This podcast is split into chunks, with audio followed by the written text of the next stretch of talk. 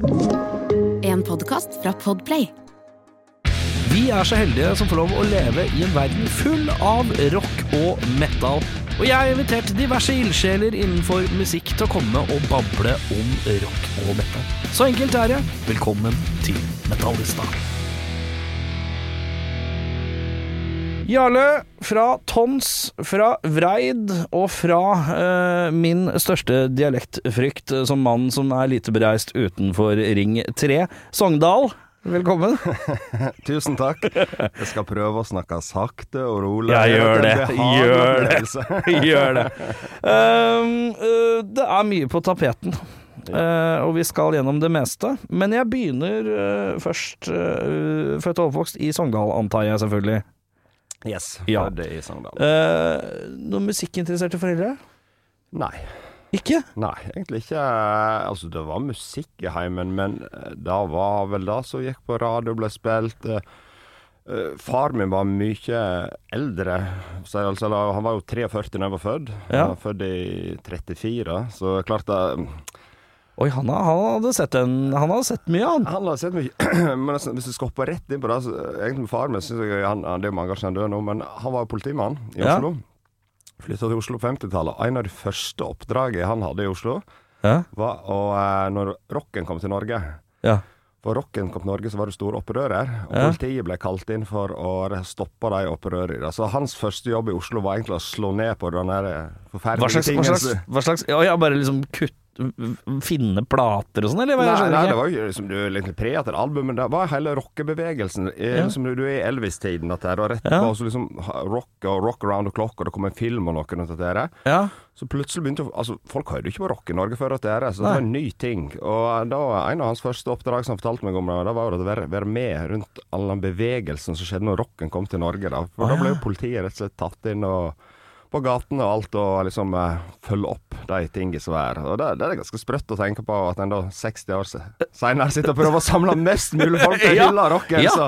ja, det er spesielt. Du har, blitt, eh, du har egentlig blitt liksom antitesen av det faren din måtte gjøre på den tida. Yes. Det er eh, spesielt. Men hva var det han måtte Hva var det de gjorde da, som var preventivt? Nei, altså det, det var jo rett og slett uh, store krefter i samfunnet som ikke ønska at du skulle ha rocken i Norge. Så det ble sett ut eh, Det var ute på det som skjedde ute i gata, ute på bylivet og alle sånne ting. Så var det sånn Det var ikke, det er ikke razziaer du snakker liksom, det er ikke det, Nei, nei. men det var for å holde kontroll på dette. For det, det er jo liksom hele som skjedde der. Du fikk noe med den Rock Around the Clock og Beatles Mania og alt det som Ja, ja, kom ja. der. Sant? Så det store opptøy, så var det å holde kontroll på dette. Og det var store krefter i samfunnet som ikke syntes dette var en bra ting for norsk ungdom i det hele tatt. Nei. At det var usunt. Yes. Men det er jo alt, alt mulig har jo vært farlig. Sk skateboard var farlig, alt er farlig. Uh, men så snur det, da. Takk og pris, så snur det. Så du innser jo det er ikke så gærent som vi trodde det skulle være. Og så plutselig så er, så er, man, er sønnen festivalsjef, og det er rare greier. Ja, ja, ja. Livet går videre. Livet går videre. Uh, men ja, og mor, ikke noe musikk der heller? Nei, altså begge var interessert i musikk, og liksom sånn sett altså, Det var musikk i heimen, det var ikke noe sånt, men det var, ingen, det var ikke at de liksom hørte på rock eller noe sure. Nei. Så jeg plukka ikke opp eh, musikken hjemmefra i det hele tatt, Nei. Ikke noen søsken, ingenting? Jeg hadde eh, sju år eldre søster, og hun heller hadde ikke noen annen interesse. Det var ikke noe stor interesse for musikk Nei. i det hele tatt. Det var Hvordan liksom, eh, i alle dager er det du får interesse for det? eh, ja, det kom veldig tidlig, for da eh, med en liten gjeng som vi bor litt i grend som eh, heter Kvåle i Sogndal. Eh, og der har du Jørn, som er trommisen i bandet vårt. Ja? Jeg og han eh, vokste opp eh, sammen, samme alder. Så hadde de to nærmeste naboguttene, Terje og Vegard, eh, som bodde 50 meter fra meg, samme garden, egentlig. Uh, Terje ble vokalisten i Vindir, Ja. som vi spilte med, og Vegard er storebroren. Terje er ett år yngre meg, og så er Vegard ett år eldre. Og de har igjen Ivan som en eldre bror. Og Ja. der altså, Og Jørn hadde en større bror. Der begynner liksom greia. For de, de gutta der, Ja. de hørte på rock. Ja. Og da kom det fra storebroren til Jørn, var det det? Storebror til Jørn var inni der, og storebror til Vegard, og de liksom kompisene rundt der, Ja. gjengen der, der, der gikk de i eh, rock. Ja. Så en del rock, og metal, og ikke minst, som de fleste andre, 83-84, Kiss. Ja, ikke sant. Og det, det vi så da, liksom, jeg husker godt den at de, eh, noen av de eldre brødrene kledde seg ut som Kiss. De sminka seg, sto på Ja, ja, ja. garasje og alt det der. De liksom kjørte De hadde laga De det bygger seg gitarer uten lyd, altså bare fake gitarer, og sto Ja, ja. og mime et Kiss. Og det gjorde uslettelig inntrykk. Så for oss små uh, kvelpene da, så var det liksom å tøffe seg med å begynne å like de bandene der. For Ja, ja, ja. Det er jo tøft. Og da, jeg husker jo noe av det første. Det var, det var liksom Kiss, og så, og så skulle jeg liksom lære seg andre band. da. Du skulle ikke hørt det i det hele tatt. Men jeg har et sånn vagt minne om at jeg ble ganske mobba etterpå. Jeg hadde, skulle tøffe meg å skrive på en sånn dongeri uh, Var faktisk buksa, jeg tror ikke det var vesten. Hadde jo ikke dongerivesten, men da skulle jeg skrive bandlogoer. da, vet du. Ja. Skrive navnene. Ja. Så hadde jeg jo skrevet Kiss og litt sånn, så skulle jeg skrive ECDC, men jeg hadde ikke fått med meg at det var Jeg hadde hørt snakk om ACDC, men jeg skrev ECDC med ISDIS. Skrev det, ja. Skrev ordlyden, fulgte ordlyden og bare Yes, yes, jeg hadde hørt snakk om de ACDC-greiene, så Eller ACDC, som det heter i Sogndal. Så, så der begynte jo liksom den der mystiske verdenen. Og så begynte han jo etter hvert å ikke bare tøffe seg med logo, begynne å sjekke ut banda litt og høre Ja, ja. musikken. Og, og da begynte det egentlig bare å rulle. Eh, dypt inne i Sogndal, hvor er man uh, skaffa seg plater og sånn? da? Eh, det var my første var jo der eh, kopiering av kassetter. Ja, kassett. eh. Det var kassett som var, var livet. Men var det da ripping fra ra Altså, du ripper det fra radio, og så kopierer du kompisen kassett? Kom, liksom? eh, var jo, det er jeg veldig takknemlig for foreldrene mine hadde. Det var jo den der eh, doble kassettspilleren. Mm. For den ble flittig brukt. Og det her oppdager jeg jo gjennom de liksom eh, eldre søsknene og da eh, kompisene Vegard og, og de, at Uh, eh, de hadde jo opptakskassetter. Sant? Mm. Og noen hadde jo originalkassetter for all del, men det var mye den der kopieringen. Låna litt kassetter. Og så begynte dette her. Men så var det alltid fra Det var jo radio, det var Ti i skuddet, var en det. Det var mye pop, men det kom jo en eller annen godlåt snikende inn imellom Ja, ja, ja. der òg, sant. Så da har det begynt, det det begynte å bygge seg opp med kassett. Eh, Vi hadde òg en vinylspiller, hadde litt vinyl, men egentlig veldig lite vinyl. Ja. Og hadde jo liksom Det var ingen i familien som samla på vinyl, det var ikke noen rundt meg som hadde en stor samling av vinyl. Så tilgang på, så det var, det var kassett, eh, radio, TV, følge med på det som skjedde, liksom. Det var det, det som var greia. Eh, men eh, hvor er det man kjøpte kassetter da i Sogndal? Ja, det, det, var, det var lokale butikker. Det var en slags eh, Det var jo en narvesen der, men så var det jo en hadde vi en veldig bra platebutikk, faktisk. Hadde det? Ja, og- Husker du hva den het? Uh, ja, Skjellestad uh, musikk og Det var egentlig en bokhandel, da. Mm. En gammel bokhandel i Sogndal. Og det som var kult der, var at sønnen til han som drev denne her eh, bokhandelen og musikkforhandleren, han var jo et par år eldre enn oss. Olav. Er faktisk en av Norges største Guns N' Roses-fans.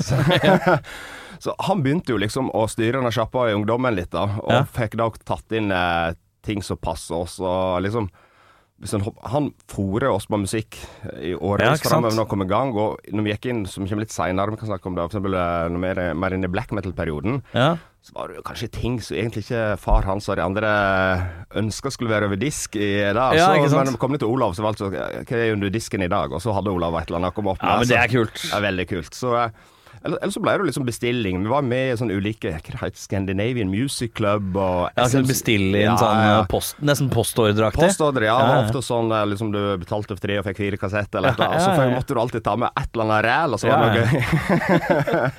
så det var, det var der liksom hele den der eh, Og så var vi heldige, tenker at vi var en gjeng. Eh, Jeg, og Jørn, Terje og Vegard, eh, vi fire. Og så hadde du Sture, søskenbarnet mitt, han er noen år eldre, men han er vokalisten i Vreid. Mm.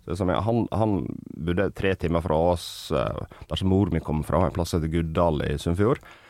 Eh, Men han eh, han var mye på besøk der inne, så han ble en del. Så det liksom var litt den gjengen der, og så kommer det noen kompiser til og fra. Men vi var ikke et stort miljø, men vi var liksom nok til at vi var en sånn fra fire til seks-sju stykker som hele tiden hadde samme interessen og drev dette fram, da. Ja. Og, og, og det er jo det samme gjengen som spiller i lag i dag, egentlig. ja. Det er litt eh, søkt, faktisk. Ja, det, det, det, det, det, Det er- det er kanskje bra ting, men litt sjuke ting. Ja, men det er litt sånn For den gjengse Oslo-band så er det svært sjeldent. Ja. Eh, Den eh, barndomsgjengen spiller, er den samme du spiller med fortsatt, på en måte. Absolutt. Det, det Eh, er Eller veldig rart. Men begynte å spille, ja. Eh, er du den klassiske 'jeg ville egentlig spille gitar, men så ble det bass'? Eller hvordan, hvordan endte du opp med en bass i lankene? Eh, jeg, hadde, da, da, jeg hadde ingen plan med å spille musikk. Jeg, har, oh, ja. jeg hadde ingen sånn Altså, jeg elsker å høre musikk, og lekte, altså, jo, og så vil alle drømte å bli rockestjerne, og Mm. så var det ikke da. Men den konkrete spiller følte meg aldri musikalsk. Egentlig ikke så veldig musikalsk, vil jeg si eh, grunnleggende, men har jo noe stahet uh, tvunget Ja, ja, ja, fram den her uh, fighter-evnen til å ville. uh, men, eh, men jeg har ikke naturlige forutsetninger for å være noe uh, flinke musikere. Så det lå liksom at eh, Nei, dette, dette det faller ikke for meg. Men var det hvem andre I den guttegjengen, da, hvem, var, hvem var den første som begynte å liksom Det er Altså- alltid én som begynner å bli litt ekstra på Ja, lag. og Jørn han, han begynte seint, men broren spilte som sagt tromme. Broren var Ja. jækla god trommis, eh, og, og så, så han plukka noe opp og hadde det i, i greiene hele tiden eh, liggende. Og Terje var jo en Han skjønte tidlig at det var jo en fantastisk musikalsk person. Altså, Mm. Han hadde det bare i seg, helt naturlig. Men uansett så var det Vi hørte på musikk, hadde det gøy, og så var det fotball som vi dyrka, liksom. Vi, Ja. vi skapte med Vi spilte jo selvsagt eh, Sogndal er jo, det er jo fotball og deg. Ja. Men eh, og så lagde vi vår egen fotballbane. Vi hadde liksom landlig og fint. Vi hadde liksom vår egen lille klubb der vi, som vi kunne kose oss med. Mm. Sauaperla fotballstadion. Det var helt nydelig. Sauaperla? Ja. Hva, betyr, hva betyr det nå? Eh, altså sauebæsj. Ja, det er ja, Og riktig. det var, det var på et jorde, det var masse sauebæsj, så det ble sauaperla. Saueperla høres jo litt mer grandiost Ja, ja, men jeg, synes, jeg, jeg hadde ikke tatt den før jeg spurte. Kjempefint. Stadion. Men ja. Ja, så der, der koste vi oss eh, masse. Det var tidlig opp om morgenen spilte fotball, hang, var ute og lekte. En sånn veldig fin barndom sånn sett. Hadde det ganske fritt og greit. Men det var ikke så mye musikk. Men når vi er 13-14-15, så begynner dette å bevege seg. Vi har, altså, vi har klimpra, testa en gitar og har tatt et instrument. ja. Men vi er nok eh, Skal vi se, da er vi jo Vi er nok eh, Jeg vil si 16 år, ja, før det virkelig brakk løs. Jeg, begynner, jeg begynner ikke å lære meg musikk skikkelig før jeg er 15-16. Ja. Eh, og da gjelder de fleste andre. Men da var da var det all in. Nå skal vi starte band. Ja. Da, da var det sånn OK, hvem kan bli med? Ja, Jørn har lyst til å spille. Du kan spille tromme, for du, bror din er drit- dritgod i tromme. Da lærer du. ja, ja. Og han har det. Og så hadde jo eh, Da var jeg altså Da hadde, var jo litt Så Metallica var jo en stor periode der. Altså, og, så for meg Altså, Cliff Burton uh, Gene Simmons altså det var, jeg, jeg, var alltid trukket mot bassistgreier. ja, ikke sant? Og så tenkte jeg at jeg prøver gitar. Gitar virker jævlig vanskelig. Bass må være enklere. så, Ja. så vi starta der. da Selv var, Jeg hadde egentlig bare en kassegitar som jeg hørte, men kjøpte Når jeg skulle begynne å spille, så var det bass jeg kjøpte for å teste. Ja. Og fikk med oss en annen kompis, og så eh, kom uh, da Sture, uh, søskenbarnet mitt, han flytta til Sogndal inn da. Han var litt eldre, han hadde spilt i band i noen år, så Ja. han hadde liksom det shit på gang. Han kom og hadde med vinyl og gitar, og var liksom Ja, ja, litt kongen, da. Så eh, da lente vi oss litt på han, og så starta vi band. Eh, samtidig så starta Terje var begynt å spille en del for seg sjøl, men Terje var den jeg var kanskje den aller nærmeste meg, Burde 50 meter fra meg, vi var helt i lag. Men altså, han, han, var, han var ett år yngre, Vegard ett år eldre. Du var litt sånn uh, hierarkier da på den Ja, tiden, ja, så han ble liksom sitta litt for seg sjøl og putla med ting. ja. Eh, Men han, had, han fikk jo da veldig eh, Når vi, som vi skulle begynne å starte, så fattet han veldig interessen for eh, hele black metal-bevegelsen som var på gang Ja. 2-93. Mens vi var nok litt mer på klassisk heavy metal og trashbagen og Ja, ja. litt death metal og sånt. da så, men, vi- men likevel så satt vi sammen hele tiden, og så var vi uh, ufattelig heldige, for foreldrene til Jørn har en stor, eh, hadde en stor fjøs som ikke var i bruk lenger. Nei. Så eh, vi hadde prøvd oss på rockeverkstedet i ei uke. Fikk beskjed om at nå skal vi spille Hey Yo med Jimmy Hendrix. Så bare nei, det skal vi ikke. Uh, så vi vil spille Orgasmatron. Uh, og Ja. så uh, fikk vi beskjed at dere kan øve én gang i veka Nei, det er jo ikke hjelp i. Vi lever jo ikke nok på én gang i veka. Nei. Så vi hørte det fint med fart i Jørn, og vi kan få lov å ta over det som var liksom en gammel hadde vel vært brukt til både gris og sau, og det var et lager og det var ganske shabby. Ja. Så hvis de rydder, spyler og gjør rent hele dritten her, så skal de lov å bruke det med visse regler. Ja. Så vi kjørte full dugnad, og så ble det tilholdsplassen som vi kalte Fjøsen i alle år etterpå. Da hadde alle vi og Terje med vindyr og, liksom, og litt sånn gjeng rundt oss. Der kan vi Ja. sitte. Så vi satt altså at vi brukte åtte timer om dagen der i mange, mange år. Ja. Satt ikke og spilte musikk hele tiden. Det var en hangout. Vi hadde vår egen lille ungdomsklubb, på en måte. Ja, ja, ja. Uh, og uten det hadde jo aldri blitt noe som helst. Det er 100% sikkert. Så takka være at vi fikk det lokalet. Og, og ikke minst at vi det, Jeg tror derfor vi fortsatt spiller i lag, for at vi fikk bygge noe sammen. Er slik at, er at vi hadde vår egen lille Åh, nå er det mye symbolsk fundamentbygging Ja, ja, ja, her. ja. Ja, men det, det er viktig, det. det er Men eh, det, det er det, jeg, tror, jeg er helt sikker på at jeg hadde aldri starta å spille musikk hvis ikke vi hadde hatt de fasilitetene. Og jeg òg skal være cocky nok til å si at vi hadde aldri fortsatt med det bandet hvis ikke jeg hadde gira på. For det er eh, Om vi har vært en gjeng hele tiden, så er det på en måte meg og Jørn har kanskje alltid vært drivkreftene for mm. her må vi, vi må videre, vi må finne på ting, liksom. Sant? Og da fikk vi fikk en jævla fin start der. Men heller ingen ambisjoner om at dette skal lede noen som helst plass. Så det, men det var liksom Eller kanskje feil å si, vi, vi, vi ville prøve å spille konserter lokalt, men Ja. tanken var at vi skulle spille band som en eller annen gang skulle spille konsert i Oslo. Det var, Ja. sånn, det var ikke vits å snakke om engang, for det var helt urealistisk. Ja, ja, ja. Sånn, så, Men det er jo liksom, ikke sant, man er jo øh, Nå kommer Oslo-karen her, men dere er jo på bygda. Det er fotball, veldig fotball-country, og, øh, og, og country-country. Ja, Fotball og country, ja. og det er jo på en måte øh, Da kjennes det jo så fjernt ut. Absolutt. eh, på en måte. Eh, bare, så at man har liksom eh, mål som å bare Bare få spilt i hovedstaden en gang, liksom. Det, det er liksom her i Oslo. Og, Ja. men jeg hadde sånn barndomsforhold til Oslo, eller Asker egentlig. For jeg nevnte far min han var i politiet i Oslo mange år, Ja. og så bodde han i Asker og beholdt huset og leide det ut. Så, men hver sommer så hadde han det som et slags jeg skal si, feriehus, da. Mm. Så mer, alle somrene mine var jo Asker. ja. Så da var det jo eh, veldig mye i Oslo, da. Mm. Oslo og Drammen, og reiste til å bade og gikk på butikk. Og da, da fikk jeg liksom begynne å gikk inn og få sett litt bylivet. Da var jo til- helt en ny verden med å finne altså, kassetter, CD-er, vinyl, bandmerch, ikke minst. Ja, ja, Så, ja. sant? Tilgjengeligheten er jo betraktelig høyere. Ja, Det var derfor jeg spurte hvordan, i- hvordan få tak i plater og sånn i Sogndal. For det er bare sånn der, flere gjester jeg har hatt her som er liksom De har, kommer fra et, eh, et mindre sted, og så er det sånn derre det var jo ikke en dritt å få tak i. Du ja. måtte liksom kjøre fire timer for å komme til neste For kanskje på en eller annen sånn bensinstasjon. Så, Ja, ja. det. Ikke sant? Var, så når man kommer inn til Oslo, så er det jo plutselig en buffé i forhold. Absolutt. Uh, men uh, har det noen gang vært noen andre band? Nei. Si det, Det er også litt spesielt. Ja, det er spesielt. Spesielt Eh, også siden du spiller bass. Ja, ja, ja. For det er jo sånn Oi, faen! Han spiller bass! Ja, ja. Han har tøff bass òg. Han har Explorer-bass. Shit! Hvorfor vi må bruke Hæ?!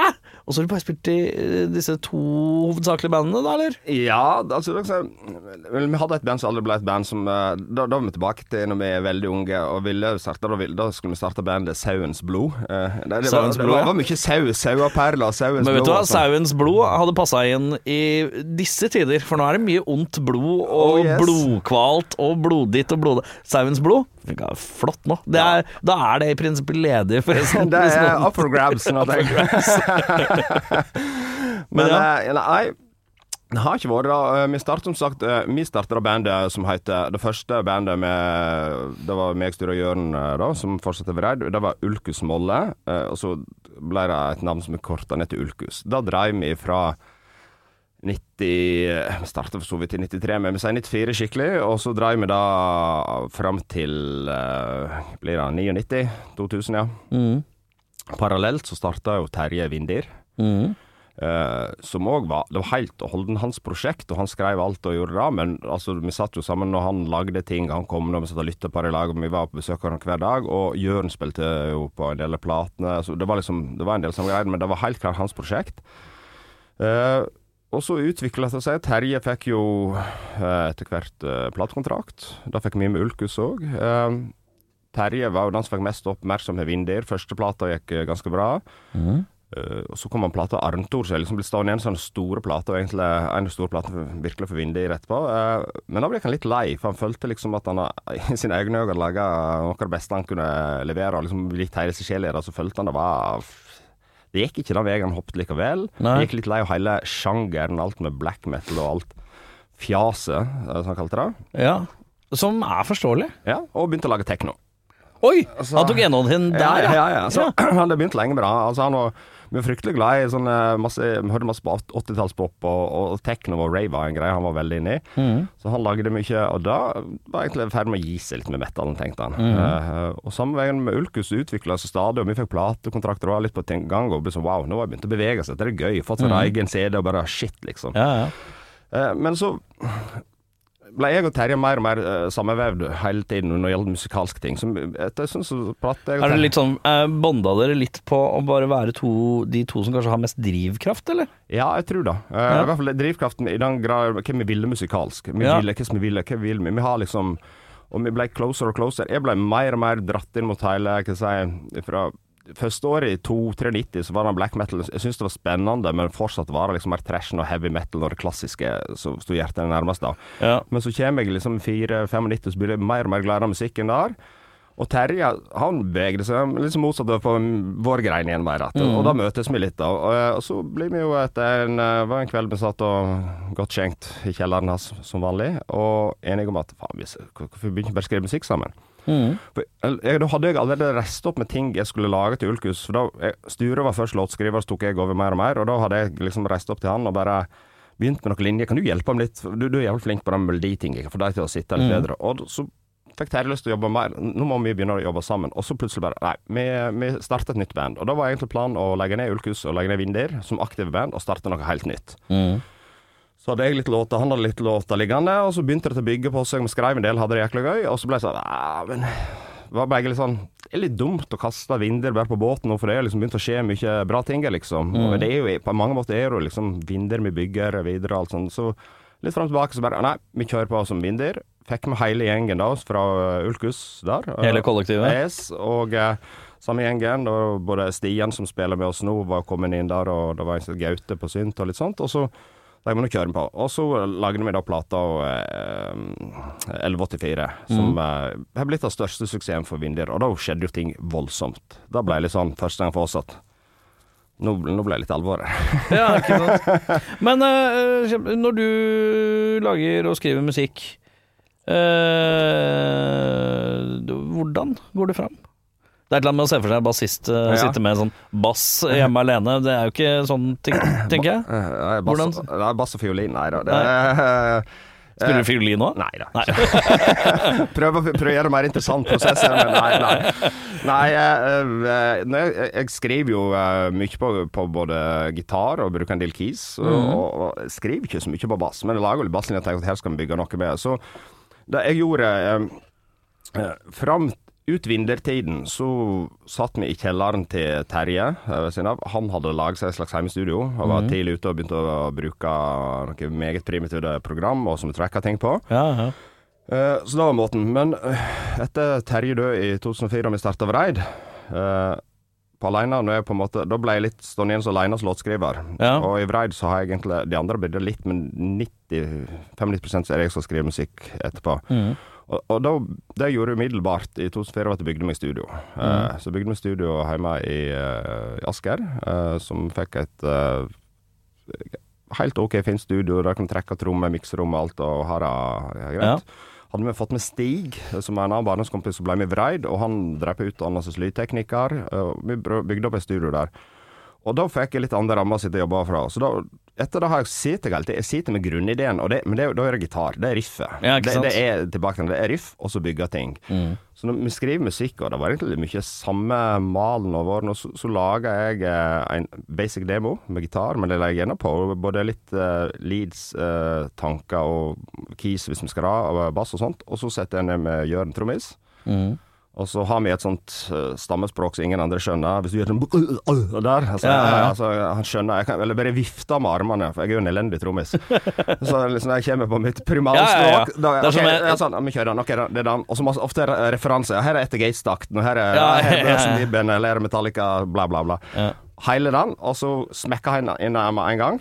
Og det er jo da fantastisk å ha spilt i så mange lag at eh, jeg hadde sett meg i lag med en eller annen random trommis som skulle flørte, så så det ble det en lang arbeidsdag. Ja, ja, men det er alle, alle, alle som eh, er låtskrivere, har et språk med trommisen sin. Ja. Uh, jeg bruker jo begreper som Kan du spille litt dulle-dulle? Ikke sant? Dido Dido har vi. Vi kjører Dildo, og dildo. Og så er det sånn derre Du veit, litt sånn som Og så må du referere til andre låter.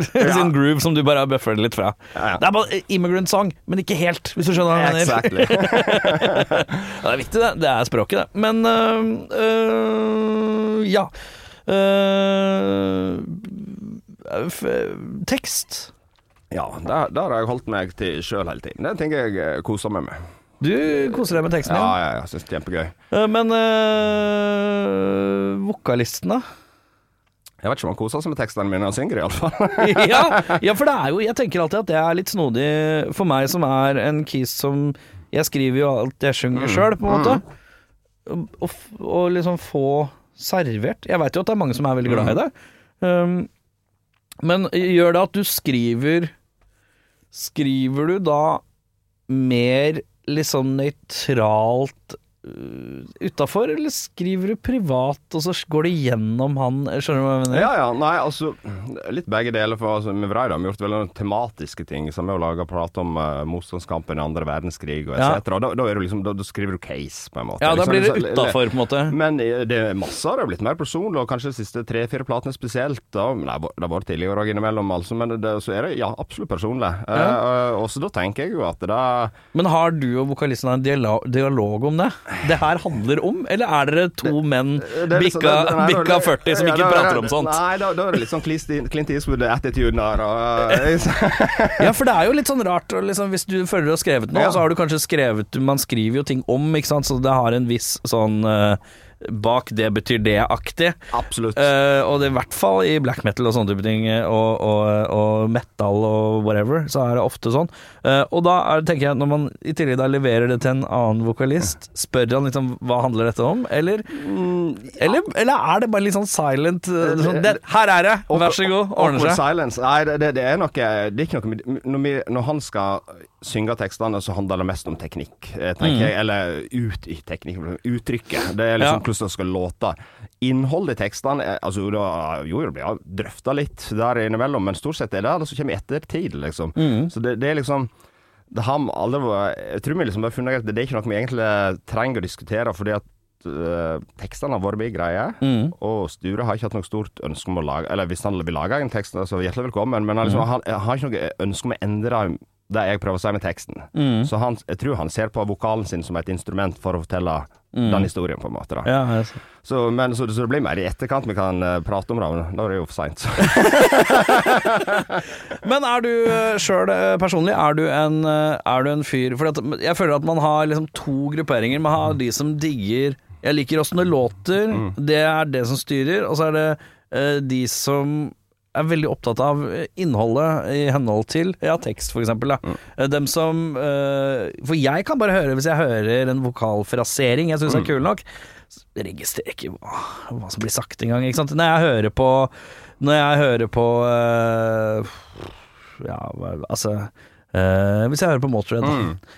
Jeg, jeg hører jo hva han sier, men jeg bryr meg ikke så mye om hva det er, for det låter så jævlig tøft igjen. Uansett hva Lemmy sang, så låter det tøft.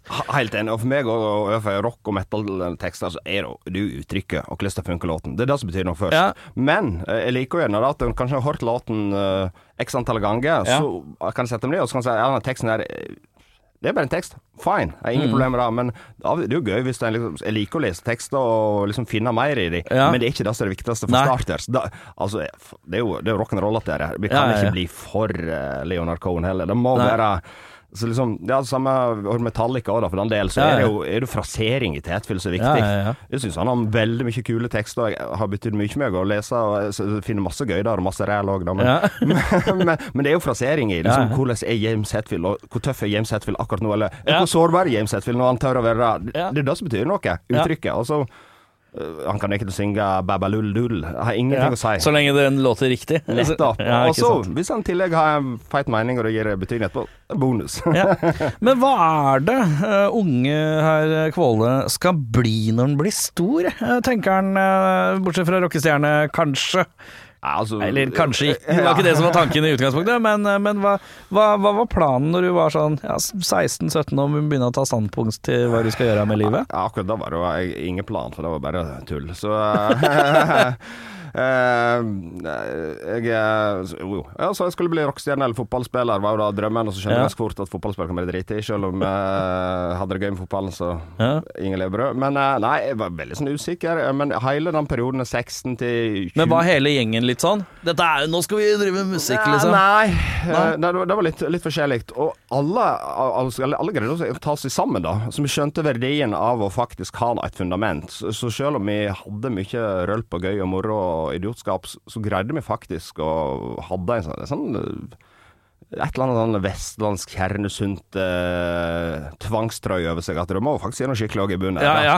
Greit å ha noe å falle tilbake på. Ja, ja. Ja, ja. Så den lå der alltid. Altså, vi, vi alle gikk jo på videregående, fikk oss utdanninger. og Ja, hva var det du var jeg tok vanlig eller jeg begynte, jeg, begynte, jeg begynte vel Jeg hadde en litt sånn uh, hard start, for jeg begynte på tømrerlinja i tre dager. og Fant ut at eh, så elendig praktisk så jeg, så har jo ingenting her å gjøre. Men det var resultatet av elendige karakterer på slutten av ungdomsskolen. da. Ja. Eh, Så, eh, og så kom jeg inn på som heter Dette data. høres kjent ut. Ja. øh, Og så begynte jeg på da, datalinje. eh, Som egentlig, oh, ja. som egentlig Ja, ja. Hør nå her. Jeg gikk, EDB. jeg gikk, jeg gikk, jeg gikk eh, først på videregående gikk jeg øh, mekaniske fag. Så tenkte jeg nei, nei, nei, så praktisk som jeg er, så skal ikke jeg noe her å gjøre.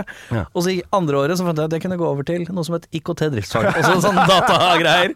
For da, da slapp jeg å starte på nytt, var det jeg fant ut av. Eh, Så det er litt likt der. Ja, EDB, hvordan gikk det med EDB-en? Nei, det gikk jo så bra det heller. Men egentlig var det vanlig allmennfag. Men så hadde du fem timer ekstra i uka med EDB, eh, Ja. som jeg kalte det. da. Eh, Og der eh, så syntes jeg det var drittkjedelig. Eh, Så ville jeg da liksom søke meg over, men da var reglene mye mer rigide. Så du fikk ikke lov. Jeg tenker Andre klasse kan begynne på vanlig allmenn, da. Ja. Nei da, da måtte ha rykke tilbake start. Eh, Ja. Så da, men tenkte jeg ok, nå må jeg bare faktisk skjerpe meg litt. Så da tok jeg tre år med videregående. Ja.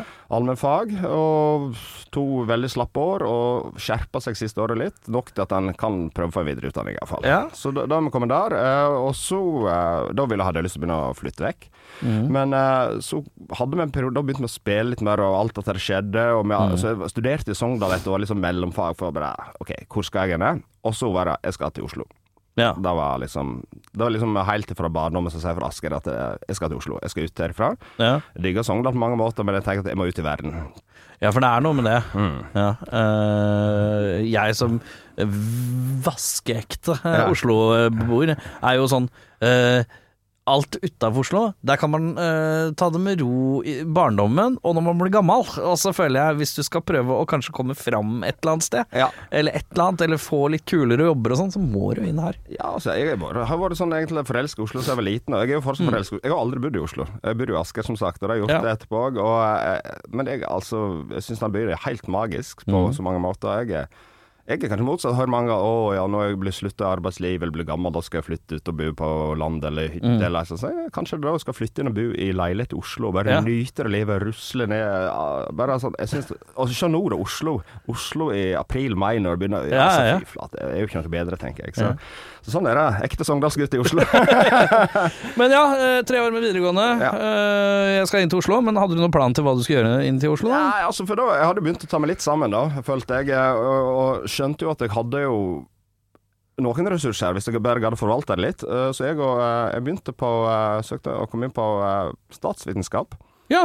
Og tenkte jeg skulle ta fag der, og da gjorde faktisk Jørn òg, trommisen. Så vi Mm. fulgte hverandre der òg. Ja. Begynte litt på samme utdanning, så jeg tok en periode der tok jeg statsvitenskap og historie og pedagogikk. Mhm. Fikk meg en utdanning mens vi drev på og spilte på CR. Så det, det, var en sånn, det var en jækla fin periode. For da var han kommet til Oslo, og var liksom Elm Street. Fikk oppdaget Elm Ja, Street. ja, sant? ja. Hadde jo vært på besøk der tidligere når jeg var på konsert i Oslo og sånt, men nå, nå kunne det bli en hangout. Og du hadde rocken, gamle rocken var begynt å etablere seg, og det var liksom mm. Så da var det studentlivet, sant. Men ikke For meg var ikke det å være en del av studentkollektivet. Men var, var Elm Street noe særlig black metal-vennlig da? Jo, jo, absolutt. Det var det, ja. ja men, men jeg trodde det var liksom bare rockerock. Nei, nei, men det var ikke, det var ikke sånn at du satt og hørte på Dark Throne Nei, nei, nei. Men Dark Throne satt der istedenfor. Det var jo sånn det var. Så, Mm. sånn, så det var jo eh, Altså, det var jo masse black metal-folka som hang der, men det, ja, det var jo mye mer rock og heavy. Og, Mm. Men husker vi ble jo kjefta ned en del ganger, for vi kom jo da idioter fra bygda og ville jo bare feste. Ja. Sant? Så da hoppa på bardisken og ropa på Slayer, det var ikke så jækla kult i Oslo. Liksom. Så, så eh, det var litt sånn kulturkrasj. Men det gjorde at vi trefte mange band, eh, liksom. Og Mm. jeg syntes det var stort å komme ned. Altså, mange av de bandene som du hadde digga fra norske scener fra tidlig 90-tall. Ja, ja, ja. Ble kjent med folk der, og, og, og gikk på konserter. Ja, for det er jo nettverking på et helt annet nivå, vet du. ja, ja. Og, og så var det mange av de som var i samme rolle. De hadde kommet fra rundt omkring i landet, og så havna Mm. i Oslo. Og så ble Elm og de andre brune plassene i Oslo naturlige hangouts. Så, så da ble det en eh, feit greie. Men det greier liksom å karme til både en utdanning og eh, ha, ha det jæklig gøy sammen med var kompisene. hva, hva, hva, hva gjorde du for inntekt eh, ved siden av disse her eh, Oslo-spilletidene? Nei, altså jeg jobba jo eh, mye opp gjennom året. Da, da begynte jeg sånn 13-14 år til å jobbe. Jeg hadde alltid gjort på si, så jeg Jobba hjemme på slakthus, og så være på ferjekaien eller maler og masse Ja. ting. Kom til Oslo, så fikk jeg eh, jobb oppe i Kolsås militærleiren der om somrene. Han gjorde litt, hadde da en deltidsjobb, litt sånt. Prøvde meg fra Jeg var innom masse telefonselger, alt med dritt. Det ble vel en dag faen, telefonselger. Jeg prøvde, jeg, prøvde, altså. jeg prøvde det i ti minutter, tror jeg. Ja. Og så, sa, så bare tok jeg sånn tre telefoner, og så bare så jeg på han kisen. eh, For det var Ja. sånn derre eh, Man kunne liksom komme opp i det, så sa jeg til kisen Det her er ikke for meg, ass. Nei, jeg er så ja, enig. ja, den er god. Bare rusle. For det, er- det er det mest sånn eh, på en måte ukomfortabel situasjon jeg tror jeg har vært i. Ja, men jeg er så enig det. Som, som ikke involverer en person foran meg, på en måte. Sånn minus litt sånn klønete kvinnegreier og sånn, men allikevel er det sånn derre sånn derre Ringe folk å og være han fyren. Ja. Det var helt jævlig følelse. Ja, jeg er så enig i det. her. Altså, derfor tenkte jeg egentlig etterpå til alle som blir ringt opp sjøl, så har jeg liksom Jeg har litt sympati. Det, Ja. det er Sjøl om jeg blir jo forbanna av og til, selvsagt, som de fleste, men det blir sånn Jeg tror egentlig ikke du har lyst til å ringe meg nå. Nei, og det er den derre Og du hører den derre når de ringer, og så er det sånn derre Hei, hei, hei. Ja. Og du bare hører den, pos den fake positiviteten. Ja, ja. Som du bare vet De her hater livet sitt så hardt, men så hater jeg de hardt for at de ringer. Da er det mye hat her. det blir mye god tekst av dette. Eller sånt. Uh, men uh, det er fortsatt et stykke igjen til å bli festivalsjef. Ja, tenker jeg. Ja, det, var- jeg var jo um eh, altså Hvis en ikke ser på musikklivet i den perioden, her, så etter jeg var utdanna, så eh, begynte jeg å, å fikk meg jobb. Og det første jeg fikk meg jobb som eh, Det var litt sånn Hva, hva, skal, jeg, eh, hva skal jeg egentlig gjøre nå? Men så turnerte jeg eh, jo en del på den tiden der. Vi begynte å reise på Europaturné, det var ikke lett, men jeg søkte en lærerjobb, og fikk lærerjobb. Mm. Eh, Barne- og ungdom Eh, videregående. det- Ja, jeg var først så vidt innom ungdomsskole, og så var det en sånn på mellomtrinnet på barneskole. Så det var sjette sjuende klasse stort sett. Eh, Og fikk jobb der. Så fikk jeg fast jobb i Asker som da, og tenkte OK, nå kjører vi på og tester dette her. Og da litt og sånn at da har jeg fri hele sommeren til å kunne ut og spille. og Masse, altså det var liksom praktisk, men også Ja. noe jeg tenkte var OK. Uh, og treffes veldig godt som det, faktisk. Syns det var helt utrolig. Hvilke fag? Eh, Du, du har jo ulike fag der, men eh, som ble satt inn eh, når jeg er på barnetrinnet. Men det var liksom samfunnsfag, engelsk, gym, musikk og ulike ting. da. Ja, Så- riktig. så der, Men du var ikke klasseforstander, jo, da, var jeg òg Å, ja, ja. Så jeg kjørte på der. Men så i den, Dette er 2005, Mm. og fram til 2011 så var jeg lærer. Men i den perioden så er jo da Vreid òg ble etablert, og vi øh, har starta opp da.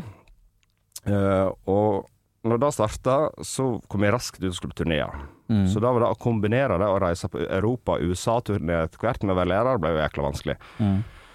Men jeg hadde en utrolig hyggelig rektor som fant noe sånn paragraf eller noe. Hvis du det jeg utøvde, nett som hvis du er en idrettsutøver, så Ja. er det på internasjonalt nivå. Ja, det, Ja, ja, det var fantastisk. Så da, så da innvilga hun masse permisjoner. Var, oh, ja. så det var helt fantastisk. Så, Noen så- smutthull? Ja, ja, Ja, så, deilig, og, og, så hun var veldig hyggelig, men hun sa, måtte si nei til ting òg. Det må begrenset hva en gjør. Så jeg hadde det, og så tok vi ett et, I 2009 hadde jeg vel òg helt perm, eh, så det bare var litt vikarlærer, for da spilte vi så masse. Da var vel på Ja, for det er jo liksom klassikeren, og det er klassikeren den dag i dag òg. Altså, det er eh, musikere som jobber i eh, Altså, den nye, skolen er litt vanskeligere, men barnehage, ja, Ja, det er jo drømmejobben for alle som er musikere, for det er relativt greit å få seg fri. Eller Ja. var i hvert fall back in the day. Da var det bare Du må si ifra et par uker i hvert fall, Ja, ja, så ordner det seg. ja, ja. Eh, og så, så sier sjefen et eller annet sånn vikarbudsjett og bla, bla, bla, så sier du bare nikker høflig, og så ser du skyldig ut, og så ordner det seg. Ja, ja, ja. Eh, Så det var jo kjenner fortsatt musikere som, eh, som har, jobber litt i barnehage eller ungdomsklubb eller sånn. For det er fleksible greier, da. Det er det, absolutt. Og, men jeg merker, det var jo kontrastfullt liv. da. Og jeg fikk jo unger sjøl i 2007, i den perioden. Og så da, og når vi begynte da, liksom, å reise store turnélivet Altså, første turneen vår med alle våre på en skikkelig turné utenlands, spilt en eller annen gig, så er det liksom 44 dager, tror jeg, med enslaved Ja. i turnébuss. Og så liksom komme tilbake fra det livet, og så dette rett inn i den der sivile rollen, og så skal du ut igjen en periode kontrastene er jo helt enorme. Og det er liksom. rykk, det og napp, ja. Ja, og, eh, men det, det, var, det var en jækla gøy periode på mange måter, for bandet bygde og bygde og bygde seg. Og vi fikk liksom begynne å se verden og gitt ut album på løpende bånd der. Og så hadde han en eh, sivil jobb i tillegg. Eh, men så kommer vi til 2011, ja. Da er det da begynner ting å skje veldig bra for Vreid i Norge òg, så jeg har møte med tre, tre, ja, tre ulike bookingbyrå. Mm. Fram til da hadde jeg booka mye sjøl, booka både i Europa og i Norge. Liksom, jeg hadde bare tatt den rollen, lær, prøvd å lære meg og liksom, ja, hva er det han sier da? Så jeg i Norge trenger sikkert mer hjelp for liksom, hva- hvordan hvordan skal Øyafestivalen være interessert i et band som oss? Hvordan skal vi videre? Hvordan er next step, liksom? Og metal-festivalene snakker om men uh, vi var blitt nominert til en Spellemann. Og liksom, OK, nå her må noen hjelpe oss. Uh, så tre selskap, alle var for så vidt interesserte. Og det ene av dem var Amber Booking. Og så var det Mats Martinsen, som jeg ikke kjente da. Og så, ja, han er gira, la, la, la, sitter der. Og så ringer vi neste dag. Uh, ja, du har fortalt en del om deg sjøl, og litt sånn, så bare Gjerne booka Vreid, men da kan du booke de. Så bare Hæ, hva du mener Ja, nei, for jeg kan ikke heller ansette deg til å komme her og booke band for meg, og så booker du Vreid òg.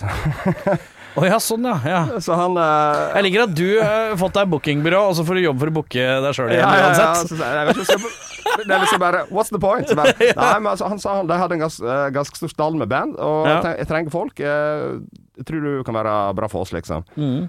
Altså bare uh, What? Og da har jeg faktisk seriøst aldri liv tenkt å jobbe på den. I den bransjen i det hele tatt. Jeg har ikke, Ja. ikke streifa meg tanken, for jeg var musiker og kunstner og uhu, Ja. liksom der. Og så um, uh, men så ble det sånn uh, OK, jeg bare finner ut kjapt. Det var vel rett for sommerferien, og liksom Skal jeg si opp jobb, eller hva faen skal jeg nå, liksom? Og Mm. Elendige vilkår, jobber på provisjon og veit ikke hva det går til, en jobb du aldri har hatt, og nett fått to unger. Men så prater litt med Eli, dama på hjemme, hva gjør nå, liksom. Dette er liksom, det høres litt gøy ut òg, da. Altså, Selvfølgelig. Ja, og så bare OK. Vi bare, jeg søkte permisjon et år først, og så bare hoppa jeg i det. Eh, og først opp, da begynte jeg å jobbe med Hedvig Mollestad Trio, Good Band Søgli, Debattgjengen og litt Ja, sånt, ja. og hadde det. Og samtidig så ønsket Mats at jeg skulle bruke nettverket mitt i metal til å liksom sette opp uh, metalshow i eh, Norge for ulike utenlandske artister. Så da begynte jo da å rulle, og kjempegøy. Og tok inn og begynte å jobbe med ulike band, Behemoth og sånt, og litt band, så jeg hadde litt nettverk før. og ikke minst Sabaton, som var ganske tidlig, og som band som vi skulle prøve å bygge i Norge. da. Ja. Så da dreiv vi jo med denne bookingen i to, to år, to-tre år. Eller fortsatt mange år til, altså, med det, men uh, da lå jeg i grunn. Og så kom vi til 2013. Da satt jeg og Mads på kontoret, så han snakka Vi hadde diskutert det. Faen, Norge skulle hatt en ny metallfestival. Og Ja, vi prøvde å lage litt sånne små festivalturneer i mindre skala rundt der og sånt. Og så kom Svein Bjørge, som eh, da hadde Det er han som ser litt ut som Dave Windorf fra Monster Magnet, ikke sant? Svein Bjørge, han er, kjenner du igjen? Han er klassiker i norske scener. Så han, er, han, han kom jo fra å hadde bygd opp eh, Eller vært med både på HV-festivalen Ja, og og masse. Det hadde, det var liksom stor bransjebakgrunn. Og han og Mats da begynte å snakke om Eller Mats, eh, Svein kom inn at han ønsker å starte en ny festival i Norge. Mm. Uh, Reindyrka rock og metal. Og han og Mats begynte med matere, Og så ser Mats at han vil ha med meg på laget. Mm. Og så bare setter vi i gang. Så da starter vi. Ja. Amber Booking er det som ble til United Stage. Ja, eh, Blitt en del av. United Stage, ja. Mm. Men uh, hvordan, uh, hvordan blir du festivalsjef? Eh, Nå begynte, altså Første rollen min var der at jeg ble med som en Vi, vi, vi tre var de som starta å eie festivalen. Ja. Så startet vi da, og da måtte vi finne roller. Min rolle skulle bli uh, booking eh, og sette artister der, og litt sånn rundt marketing og hele den biten der. Så jeg jobba med det i to-tre år, Ja. den rollen der. Eh, men det ble jo mer og mer involvert i økonomi og masse drift i festivalen. Og dette bygde og bygde på seg, så ble jeg først i 2018 så tok jeg over da som daglig leder i festivalen. Og det var vel litt sånn i takt med veksten av festivalen. Vi har vokst hele veien. øh, Og hvem som var aktive. Svein har ikke noen aktiv rolle i festivalen lenger, men det er flere andre inne. Han er fortsatt en del av eierne. Og så bytter vi med bygde folk, og så på et vis kommer det liksom da tenkte jeg enten så må jeg drive med dette her, eller så må jeg Så da kutta jeg jo eh, United Stage-jobben eh, som jeg hadde. Eh, beholdt noe, jobba litt som promoter for noen få band, jeg fortsatt har gjort. Uh, men ellers så ble det liksom Tons Rock. Ja. Uh, og da ble det Jeg hadde mulighet til kapasitet, og de andre ønska jeg skulle ha den rollen, så da ble det egentlig å starte det i 2018. Ja, men jeg tenker du, du, du kom liksom inn fra flanka, Mm. Eh, og så uh, er det inn i denne her verden, uh, og ja, ikke sant, du tenker marketing og alt dette greiene her, som jeg Det er jo det døve, tenker jeg, i, i mitt stille sinn. Ja. Tenker du det? Nei, jeg syns det er det gøyeste. Jeg syns det masse annet er døvt i jobben min, men akkurat den her Hva er det døveste i jobben din, da? Hva, er, hva syns du er mest pes? Alt som innebærer masse byråkratisk arbeid. Og, Ja. sant? Det, det er vel ingen som elsker det i livet sitt. Det sant? Men, men, men det, det er jo sånn rutinearbeid. Ja. Det er jo ikke det jeg er mest glad i. Jeg er ikke horribel på rutinearbeid, det jeg ikke, men jeg er ikke god. Og jeg, eh, men der har jeg funnet hva jeg ikke er god på, så må jeg prøve å få hjelp til den ikke er god på. Ja, er det er vel da viktig å innse sin begrensning. Men jeg er jo glad i nytenking og nyskapning. Ja. Om det, og da mener jeg da er marketing Jeg syns marketing er kjempeinteressant. Eh, liksom da, altså, ja, TikTok nå, da, for eksempel. Ja, ja, Da, er for gammel, kan ikke bry deg om TikTok. Sant? Eh. Altså, alle kommer sånn Ja, men klart det er jo kjempespennende. Det er et marked. Ja, og jeg ser mm. ungene mine og klart sånn, Jeg mener jo TikTok Det er sikkert forbudt om noen år. Men jeg skjønner hvorfor folk blir slukt opp i det. Ja, ja. Og så ser jeg jo at det er jo en av de tingene som virkelig skaper interesse for gamle låter igjen. Liksom. Det er, det er veldig positivt, faktisk. På en hel måte jeg ikke har sett noe annet medium tidligere. Nei, for det er, det er helt riktig, ass. Det derre nye låter som altså gamle, klassiske låter, enten det være seg rare synthpop-låter eller trash metal Yes. fra 80-tallet, som plutselig bare får sånn ny eh, En ny renessanse, da. Det er helt crazy. Jeg ser, jeg ser jeg har to døtre, og jeg ser de eh, liksom, Jeg har fôra dem så masse rock og metal, Mm. masse bare prella av noe de digger. Men så kommer de med låter så jeg vet jeg aldri spilte de. Så kommer Ja. de med noen gamle Zeppelin-låter, eller kommer med Depeche Mode, eller ting som Ja, ja. Hva i all verden kommer dette fra? Så jeg vil Ja, TikTok. Sant? Det er digg, da. Ja. Uh, men ja, men jeg tenker altså når jeg tenker på det store og hele å være liksom på business-siden av Og det, så, det høres vondt ut å si, ikke sant, på business-siden av rocken. Men det er bare Jeg bare ser for meg det er mye surrehur òg. Det virker så slitsomt. Mye sånn derre Ja, jeg skal avtale med han, og han skal avtale med det. Og de tre ledda. Og så er det alltid surrehur et eller annet sted i en sånn linje av kommunikasjon. Er det ikke litt sånn? Jo, hva kanskje, men det er utrolig hvordan bransjen har forandra seg. Jeg syns Ja. det er jækla strømlinjeforma blitt på mange Ja. nivå. Eh, Da, altså, det er utrolig god struktur på mange ting, og artist og management det er liksom Det, det er blitt eh, Blitt ryddigere? Ja, veldig. Det er en stor forskjell, og det er liksom på, Men jeg synes det jo, det er blitt mer kommersielt, men det handler jo bare om ha Altså, du må tilpasse deg, ha en litt ryddigere struktur rundt Mm. Og så får artistene fortsatt lov å være de de er, da. Mm. Kreative og galne og alt de skal være. Men eh, liksom apparatet rundt er blitt mye bedre, syns jeg. Ja. Er mye, mye flinkere. Og det er liksom det henger hefter jo med liksom den bransjen at det er veldig myteomspunnet, all galskapen, alle crazy manager og dill og dall, alt du hører om. Ja, det er jo litt sånn 80-90-tallsfenomen, men ja, ja. det, det er liksom eh, Jeg føler vi snakker om noe som kanskje ligger for 20-30-40 år tilbake Ja, i tid. sant. Altså fortsatt nett som det var i fjor. Det var ikke i fjor. Men, men, men det finnes jo for all del. Det, altså, det finnes jo mer strømlinjeforma bransje. Det gjør det. det skal jeg innrømme. Altså, du kan ikke si det, er ikke si Surrehur er mer enn nok av. Surrehur er Eh, det. av alt. Ja. Men, men det lidenskap, da. Da Mm. merker du òg, sant. Du har masse gjester inn der. Du spiller sjøl. Du sitter her i den verden. Altså, det er jo Mm. helt Altså, hvor mange folk som har en lidenskap og tar noe med langt inn i voksen alder. Ja, ja, ja. Aldri gir seg. Det er liksom det, Hvor mange andre plasser finner du der, da? Det er ikke så mange. Kanskje Nei, mange, altså. litt sånn fotballklubber, altså Die Hard-fans, eller kultur og eller liksom Men det er jo ikke mange andre arbeidsplasser folk bare liksom bare brenner virkelig for. ja. det. Her er sånn du kan ha kjipe arbeidsoppgaver og ting veldig dritt, altså, men fy faen så gøy, liksom. Den attituden er, det, er jo, det er jo kjekt å jobbe med sånt. Da. Ja, ja, og så tenker jeg alltid øh, Hvis jeg sitter her med Torkild Torsvik eksempel, og han er litt irritert over at en eller annen knapp ikke funker her, så sier jeg det er en eller annen som står nå uh, i et regn utafor Sogndal og legger asfalt. Han har stått der i ni timer og lagt asfalt. Vi har det godt, mildt sagt. Vi får jobbe med det vi elsker, og det er øh, høylytt øh, rockemusikk. Og apropos høylytt øh, rockemusikk, det er da snart festival, si. Eh, og hvordan er følelsen sånn før nå? Er det, er det helt eh, kaos, eller er det sånn at nå er det meste på plass? Så nå er det, nå er det bare vente til det begynner, og så begynner kaoset litt igjen. Ja, nå tar seg en par uker sydenferie og bare lade opp kreftene. Ja, ja, Nei da, det er ikke det. det, nå er det armer og bein, men på en god måte, føler jeg. da, fordi at akkur eller Nå er min kanskje den verste perioden på mange måter. Lang planlegging, Ja. så har vi egentlig lyst til alle bare være på sletta og komme i gang. Ja. Eh, og så er det liksom de siste par ukene når du sitter der bare du sånn klør etter å komme opp og begynne å bygge. Mm. Så det blir sånn, Nytt møte, hvor mange ganger skal vi diskutere dette? Vi må bare komme i gang og prøve, liksom. Så, Ja, ja. Så den der er- nå er litt sånn øh, ja, litt sånn uggen følelse, synes jeg. fordi at du er så, Men så fort du står på sletta og ser den begynner å reise seg, så er det en helt annen ting. ja. Så, så eh, For da er det Nå er vi i gang. nå er vi i gang. Og, Ja. da, og da er ikke hjelp Skal vi gjøre sånn eller sånn? Skal vi nå må det opp. Så da, når Ja. du går inn i avvikling Det er sånn Det, det er som når du står på en gig, da. Når du Ja. går på scenen, så kan du ikke begynne å diskutere hva vi skal gjøre. Liksom. Nei, nei. Da, da bare gjør du det. Så, så den fasen, når vi går inn den, da elsker jeg, altså. Så, Ja. uh, men uh, så har vi jo det krevende, for at vi må Riggperioden vår er jo Vi har et par uker. Mhm. Sweden Rock har vel to måneder. Ja.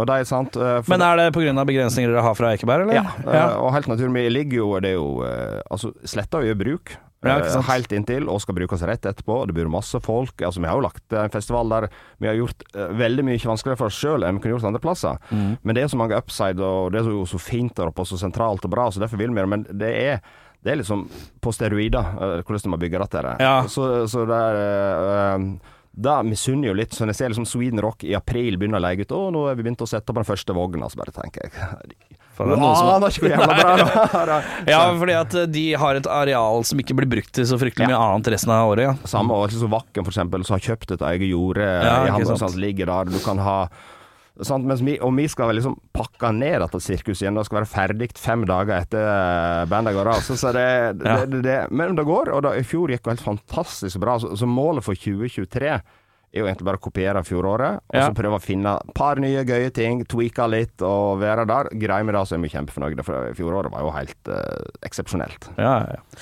Og så har dere hatt to år der oppe med strålende solo, så er det å hoppe på det. For det jeg er spent på, er det året høl- høljregnet kommer, og det jordet ser helt jævlig ut. Ja, det, det er jo Og klart. se åssen disse fotballfolka oppe på Ekeberg reagerer da. Når de plutselig Det er litt vanskelig å bruke det fem dager etterpå. Ja, men det, det, det, der har Jeg vi egentlig- har en Vi har kjempegod dialog med kommunen og jobber Ja. hele tiden. Og vi har, vi har laget ulike scenarioer for godt vær og regn i 14 dager og alt. Ja. Så, men klart at regn i 14 dager vil jo påvirke, det skjønner jo alle. Men vi, altså, vi har jo lekt inn et uh, Norges beste selskap, eh, eller Norges beste gressentreprenør. De som tar Ullevål stadion og alt. Ja, ja, ja. de er oppe i forkant. Og gjør et helt enormt arbeid så at rusta får ta mer. De kjører rundt og pigger opp hele Ekebergsletta. De fyller på titalls eh, tonn med sand som skal ned, og drenering. Og vi har lært så mye om gress at det er helt idiotisk. Ja. Og så er det eh, men det, det som er mest skadelig under festival, er hvis vi hadde, eller opprigg og nedrigg, vi driver og kjører rundt på de banene, for det er vanskelig. Men Ja. trakking på gress, det kommer ganske fort opp igjen. Og vi Ja. resår gress og alt så der det er klart, Med et helt ekstremt vær så er det vanskeligere, og kanskje går det litt hardere utover. Men, men eh, jeg føler vi har så gode rutiner og så bra forståelse for det, så lenge vi på en måte føler den planen vi setter, så går det egentlig ganske, ganske greit. altså. Mm. Og, og det, du vet jo da, når du har fotballcup og alt der oppe, òg, når det styrtregner i fire-fem dager eller et eller annet, så sliter du mer. Men eh, Mm. Den største skaden er hvis vi ragger rundt oppå der med Kjører biler. hjel, ja. Mm. Så er det logistikk, eller arenagjengen vår, Jørgen, gjør en helt vanvittig jobb med det. Så alle hadde lager laga kjørebane som går bare mellom fotballbaner. Hele festivalen er strukturert rundt fotballbane. Mm. Ja. Ja, for det, jeg, jeg husker når det ble annonsert, så tenkte jeg oi, oi, oi, Ja. oi, oi. Så tenkte jeg mitt stille sinn, så tenkte jeg her, jeg tror ikke Jeg tror ikke, jeg tror ikke Ekeberg-folka veit hvor mye uh, Hvor mye poten, potensielt skade det kan gjøre på et gressbane, da, hvis det blir mye regn og gjørme og stæsj. Eh, men uh, krysser fingrene for at det bare blir bra vær. ja, da hopper vi. Det- Sitter, sitter du og følger med på værmeldinga, eller? Ja, ja, Begynt å titte? Helt vilt. Det er jo liksom begynner å stille light eller noe sånn obskur side Ja. Ja. The weather the next year will be det, er Ja, liksom. ja, ja. Håper på en slags prognose. Ja, har et par andre som jobber i bransjen, som driver og sender med forecast fra dill og dall. Og det er klart å følge med på det, men det er jo klart litt regn egentlig bare positivt. da, fordi at det, er- du, Hvis det er for tørt, og det er mange ting så det er ikke sånn, men det Ja. følger med. Men så er det jo det er jo festivalopplevelsen òg, da. Oppholdsvær versus styrtregn er jo to helt vidt forskjellige ting. Mm. Så, eh, men så er vi jo òg heldige, da. Folk kjøper billettene tidlig, folk er klare uansett. Vi Ja. hadde jo Halden noen år og helt pissdårlig vær. sant? Ja, ja. Det var en da vi hadde der mellom konserter, i juni er det to grader, liksom. Ja. Eh, og da, da, da klart det, det gjør litt med stemningen, men OK, folk biter det i seg. Du får ikke gjort så mye mer, av Nei, nei, nei. Eh, Jeg tror de fleste som er klare for festival, de er, vet jo, Ja. ikke sant? Det gjør at band selger fall mye mer hoodier hvis det er dårlig vær. det er sant. Hva er, det som, er det noe som er nytt i år, da? Er det noe vi må uh, ha i bakhuet som kan være smart å vite? Ja, vi har gjort det. Prøvd litt grep. Liksom, I fjor syntes vi det var litt sånn dårlig lydlekkasje mellom scene to ute. Altså den, eh, nå har vi bytt navnet på scenen, så den heter Vampire og Telt var Moonlight. At det Ja. var litt mellom der. Så vi har jobba mye med vinkling av teltet, tuning av PA der. Sett opp en bakvegg lydboile. Ja, fordi i fjor så hadde dere hovedscenen, og så var det litt opp, og så hadde dere parallelt en litt mindre scene, og den sto sånn rett overfor teltet Ja. Med en god avstand mellom, men det var litt sånn krasj mellom ja, der. og, og plasseringen er mye av det samme, bare litt vinkling og sånt. Men Ja. så har vi jobba mye med PA som skal få få det enda bedre, da, og det blir nok bedre år. Men det er klart, noe overlytting er jo nesten umulig Ja, ja, ja. på festival, men, men der, der har jeg gjort grep uh, for å få best mulig lyd både i teltet og ute der. Og så uh, har vi uh, Det blir satt opp Altså, transporten gikk jo veldig fint ned igjen i fjor. Opp var det jo ganske kaotisk til tider, rundt 11-12 når alle ville opp. Vi brukte jo alt som var i busser i fjor, men nå har vi fått Ruter til stille Ja, vi hadde jo vi hadde jo kø utafor kontoret her, husker jeg. Ja. Eh, så det var litt... Men det som var rart i fjor, var jo at det var mange som var brødre som ikke tok trikken. Ja, ja, det, var jo ledig kapasitet. Jeg, da- jeg, jeg, jeg husker så, jeg, jeg var på jobb her og teipa et eller annet, og så gikk jeg ut og så at det var kø milevis utafor her på Jernbanetorget i Oslo. Ja. Og så tenkte jeg ja, den bussen er bare dritt i. Og så gikk, jeg til, så gikk jeg til trikken, og var det, det var meg og fire andre på ja, den ikke trikken. sant? Ja, ja, Så det er bare sånn der, ok, men her er det folk litt utabygds òg, som ikke veit Ja. at det finnes trikk, ikke Så så da er jo at vi skal være bedre på informasjon på de tinga. Men nå går all offentlig sånn som i fjor. Men i tillegg så ble det satt opp en egen eh, festivalbuss for Ruter som går hele tiden. da. mm. så eh, Fra en egen stasjon i Oslo som kommer informasjon på. Så det, der har vi gjort grep. Uh, Hvordan er eh, jeg må, Ja, Dette er veldig nø- Ja, kjør på. nerdete.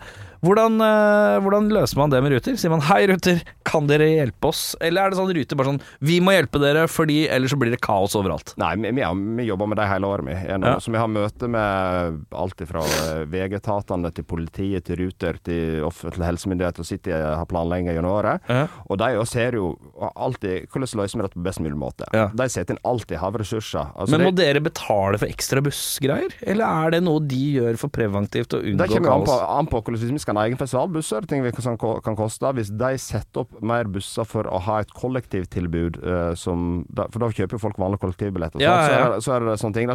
Det, det varierer litt hvordan en eh, setter opp avtalene. men alle er innforstått med å ha best mulig tilbud. Ja. Er det, men det er jo klart et vanskelig storby. Det er liksom, ene året så var det noen som hadde stengt et tunnelløp for uh, vasking eller et eller annet, uten å varsle de andre myndighetene. Så Mhm. Ja. når vi da kommer med 50 busser, og så er det plutselig ett tunnelløp og ingen vet om det, så, så blir det Så det er ikke alt så lett å forutse. Da. Å, Men- herregud, jeg bare begynner Altså, når jeg kan tenke så smalt på Det er jo store ting, men det er Fy faen, jeg innser jo nå sakte sikkert at det er jævlig mye. Det er jævlig mye møter, og er- jævlig mange i dialog. Det er så mye møter og dialog at det er helt, helt absurd. eh, Ja, altså. Så, så, og det er det, tror jeg, for det, kanskje er det spørsmålet jeg får ofte. Se, men hva du gjør resten av året, liksom? Ja. Eh, Vel, eh, hvor skal vi si ja. Du puster litt, og så er det jævla mye møter. Ja, og, og det er det for alle som jobber, men vi, altså, som en annen normal jobb. Men det er jobb hele året, for det er så mange detaljer så du kan ikke starte på i mai. Er Mm. liksom, så, så, men, men jeg syns det er gøy, og nå er vi blitt en stor, stor stab etter hvert. eh, Som, eller nå er vi jo fem-seks på kontoret året rundt, Mm. stor mindre grad. Så er vi 20 team, teamledere ca. De er med på møte en gang i måneden. Mm. Og så jobber de Noen må jobbe mye, gjennom andre, andre mindre. Men så er det den skaleringa å gå fra de 20-25 personene til 2500-3000 per dag. Mm. Det er jo det mest krevende av alt. Hvordan få ut informasjon, hvordan får alle så- Og, og, og det er én ting Du kan ikke dele informasjon, så det bruker resten av året på å snakke med alle de grupperingene og legge planer. For hvis vi skal prøve å legge alle de planene i meg sammen, så bare fungerer bare litt. Mm. det er jo, det er jo eh, eh, tusenvis av russ som er med oss. Det er, vi har flere titusenvis av timer med idrettslag. Eh, og så er det jo alle profesjonelle innlegg. Det er, sant? det er mange selskap som bygger scener og alt mulig, og leverandører, matleverandører etc. Det er jo Gal-Mathias, jeg skjønner jo det. Ja, og så på toppen av det så har vi en ny rekordår med 1300 frivillige, og helt fantastisk, som kommer Ja. her og jobber. Sant? Eller frivillig I dag er det at du får jo festivalpass, og du får noe gode, og så må du gjøre et par skift. Det kan være under opprigg eller nedrigg eller noe under festival, og så kan du bruke resten av tiden festival. Og dette er jo kjempepopulært. Uh, og nå sjekka sist, tror jeg det er folk fra 25 nasjoner som kommer da, og jobber. Så det, men det er liksom å sy sammen denne flokken til å skal fungere i ei uke, da. Ja. Det er det egentlig resten av året handler om. Ja, ikke sant. Det er noe greier. Uh, Metallica. yes. Vi tar en uh, bråhopp eh, inn i litt Metallica. Uh, forhold? Oh yes. Oh yes. Ja, da har jeg en spørsmålrekke. Den tenker jeg du kan glatt svare gjennom. Beste lineup? Det er jo Altså, det er jo Best lineup er jo for- Jeg skulle til å si ikke det første, for det har men uh, Eller drømmelineupen er jo med eh, Altså, den beste eh, Det blir jævlig vanskelig å svare på. Ja, det er- Nei, det, det, klasse, det er jo helt klart det, de første platene der om, eh, med Cliff og de fire, men kanskje drømmelineupen er jo Hetfield, Mustaine, Ulrik og Burton. Hvis, oh, ja. hvis de hadde fått lov å fortsette Sett åssen det hadde blitt. Ja, ja, ja. Det, det er, men uh, Kirkeboy er fin, han. Altså. Favoritt uh, enkeltstående bandmedlem? Hvem er hvilken kulest? Hatfield. James Hetfield, ja. ja. Det er ikke tvil. Men... Er det grunnen til at derfor du, er det derfor du har Explorer-bass? Ja. ja. Den er ryddig, den. Ja, ja, det, altså, for meg er det tøffeste mann i historien. Mm. Favoritt-era? Kan være år til år eller album til album. Ja, nei, det er nok eh, som uh, like kjedelig som mange andre Kill Em All, til og med Justice er det som betyr mest. Jeg, Mm. jeg syns Black Album ble et fantastisk album, og jeg koste meg stort med det, så jeg skal ikke late som det ble sur når det kom, for jeg syns albumet var jækla bra, og den dag i dag, altså Hvis den greier å løftes litt ut, så For et album. Jeg kan ikke noe si mer. Men uh, det første der, og jeg Det, det er nok jeg har alltid hatt Masters som største albumet, og, Ride Light Rette, men det er et eller annet med Jøsses forhold. Det var det som dro meg mest inn i verden, så jeg er fryktelig glad i den plata. Det skal jeg innrømme. Mm. Uh, har du Ja, beste album? Da ble det Det er en master eh, med kniven i strupen, men eh, Ja. det, det, altså, Ride Lightning Master og Justice De er slike like at det er nesten ikke For meg er det topp three-headed beast. Ja. Uh, verste album? Eh, hvis Lulu er et album, så er det verst. Vet du jeg- jeg- jeg, tror ikke jeg tar det inn i albumkategorien engang. Det- det- Akkurat den der Den har jeg tenkt er en Lou Reed-plate med Metallica Ja, på. Jeg har hivd det ut. Og, og da er det jo Definitivt Santanger for min del, for da uh, Det er ikke så lenge siden jeg hørte gjennom plata igjen, og jeg syns, Mm. ikke, jeg syns det var egentlig enda verre. Men når jeg ser det, Det er altså, en ting er lyden. Ja. Det kan jeg leve med. Jeg kan leve Ja. med masse dårlig lyd. Jeg kan Ja, høre, For jeg har hørt masse dårlig death metal i min tid. Det er ikke noe problem, det. Men uh, det er noe med lengdene her. Det, det, det klarer, de klarer ikke å begrense Denne noe. eller- copy-pasten og alt det ja. Men så hører jeg, så hører jeg faktisk selve tittelsporet Ja. Hadde den hatt en mer klassisk Metallica-sound og alt Mm. der, så har det noe med seg åpningene det, det, det, det, det, det, det, Hele, Ja, altså ja. der og intenstromminga, litt sånn melodiøse vers. Ikke det verste. Kunne blitt en OK låt. Men ellers ja, Kanskje Frantic og en eller annen tøff uh, groove Mm. innimellom. Par andre Ellers er det jo er så svakt. Ja, det er ganske skremmende. Uh, Så det der, men alle, alle artister må få lov å ha en liten sånn uh, ja, kollaps, tenker jeg. Ja. Eh, hva, hva er Breid sin kollaps? Det er vel det kommende albumet. Nei, eh, jeg føler det er vanskelig å påpeke sin egen kollaps. Eh, Hva, hva er ditt svakeste Hva er Breids svakeste album i dine øyne? Nei, jeg syns Pitch Black Brigade er det dårligste albumet vårt. Ja. Andre albumet, det syns jeg, hvis du skulle ha satt ting på det. Jeg- Hvorfor? Mangler litt highlight, jeg er ikke fornøyd med sounden. Et par låter vi kunne ha droppa. Altså, hvis, det er- hvis det er et album man har lagt bak meg, så er det Når det er sagt, så jeg har jo da den låten Pitch Black som vi alltid avslutter med, så jeg kan tenke, Ja. kanskje er den viktigste. Eller topp tre Vride-låtene. Så, Ja. så det er vanskelig å Jeg vil ikke ha trukket den i dass, men resten av albumet er, er nok det som jeg kanskje Ja, det er nok det jeg er minst fornøyd med. Ja. Uh, beste låt av Metallica? Altså det er så kjedelig å si Master of Puppets, men det er jo det er umulig å svare noe annet, for det er en Ja. av de beste låtene. Er de Ja, beste det låtene. er, eh, det er Jeg kommer ikke Altså, kan ramse opp hundrevis andre det som er på andreplass der, men face it, for en låt. Ja. Uh, verste låt? Alt på St. Enger, bortsett fra St. Enger. Har du anbefaling av et band som Metallica-fans kan sette pris på? Oh. Kan være seg nytt, kan være seg gammelt. Uh, trenger ikke å være låte som Metallica, men eh, noe som kan være litt fett. eh, et lite tips. Ja, det var et godt spørsmål. Nå, nå, nå, begynner, nå starter prosess overthinking umiddelbart. Jeg slipper ikke fram spontaniteten. Det Nei, altså Altså, det, det, det, det synes jeg er rart. Jeg syns svenske bandet Tribulation har et eller annet litt som Metallica-vibbe. Altså, selv om Ja. det ikke ligner helt tatt. Det er et band som jeg synes har vel den klassiske stuken i seg. Og Ja. så jeg tror, Hvis du liker litt gammel Metallica, og litt sånn, så tror jeg faktisk et band som mange kanskje ikke sjekker ut, at det er litt sånn black og metal. Og, Ja. Men Tribulation jækla tøft rockeband, så jeg tror kanskje mange har digga hvis dere sjekker det ut. Tøft. Uh, hva skjer med Vreid fremover? Uh, nå er det jo to år siden vi slapp album, og, og så skal vi ut og spille litt festivaler nå i juni. Jeg skal til Into the Grave i Nederland, eh, veldig fin stor festival der, og Hellfest, og skal Ja. spille på Tons nå. Ja. Uh, så ble det litt sånn at vi har Det er alltid rett et år etter album så begynner jeg å skrive igjen, og så sitter du der, og så tenker du det to-tre år til det her skal ut. Og så bare kjente jeg at når jeg begynner å tenke på den prosessen nå, så ble jeg sånn Nei, nå, det orker jeg bare ikke. Jeg, ble, jeg, sånn, ikke, jeg har lyst til å skape musikk, og Ja. lage masse ideer og sånt, men det her er OK, nå skal jeg skrive et år, så skal vi sende litt fram og tilbake, og så skal vi booke studio, så skal vi være der eh, noen måneder inn og ut og bli ferdig miks, og så skal det gå åtte-ni måneder før en eller annen vinylfabrikk er klar og alt ok, Nei, jeg kjenner jeg ble bare kvalm av tanken. Eh, Ja. Men det- hvorfor eh, Jeg tenker, som etablert band, ja. med ressurser, Mm. kontakter, alt Hvorfor ikke prøve å gjøre det på et annet vis, da? Nettopp. Og det tenkte jeg òg, da. Nå er hjemme på et annet vis. Jeg prater med plateselskapet litt sånt. Ja, da vil jeg vil jeg skal signe for nytt album. Så nei, vet ikke, nå har jeg lyst Det jeg har lyst til å gjøre nå, jeg har masse ideer. Jeg har lyst til å skrive en låt. Gå rett i studio. Eh, Ikke være noe særlig forberedt. Ta fram denne vibben vi hadde fra vi satt i åtte-ni år i lag og alltid øvde i lag. Eh, og så ville jeg ha den låta ute maks en måned etterpå. Mm. Og da gjorde vi det. Ja. Så da eh, gjorde vi da Jeg hadde jo som sagt masse ideer, så jeg lagde struktur på ei låt, men bare med riffbasert. Ikke noe mer Nei. sånt. Og så forklarte litt ok, hva jeg tenker, og så sendte jeg til resten av bandet. Og så jeg nå booker jeg studio i to dager, Ja. så møtes vi en kveld, og så bare setter vi lyden, og så bruker vi den kvelden til å Jamme den fram, liksom? Jamme den fram, liksom, få på tass. Og så klokka ti neste morgen, og så går vi inn og strekker med. Mm. Og det gjorde vi. og Det var fantastisk givende. Ja. Og, da, og da Prosessen selv var dritgøy. Jeg, liksom, jeg følte meg en vitalitet som eller, altså, Vi har hatt utrolig god stemning på det siste albumet. For det var en veldig god periode for oss, men likevel, det var en sånn revitalisering som bare Oi, dette er jævla gøy. Det er jo øh, en litt punkrock måte å gjøre på.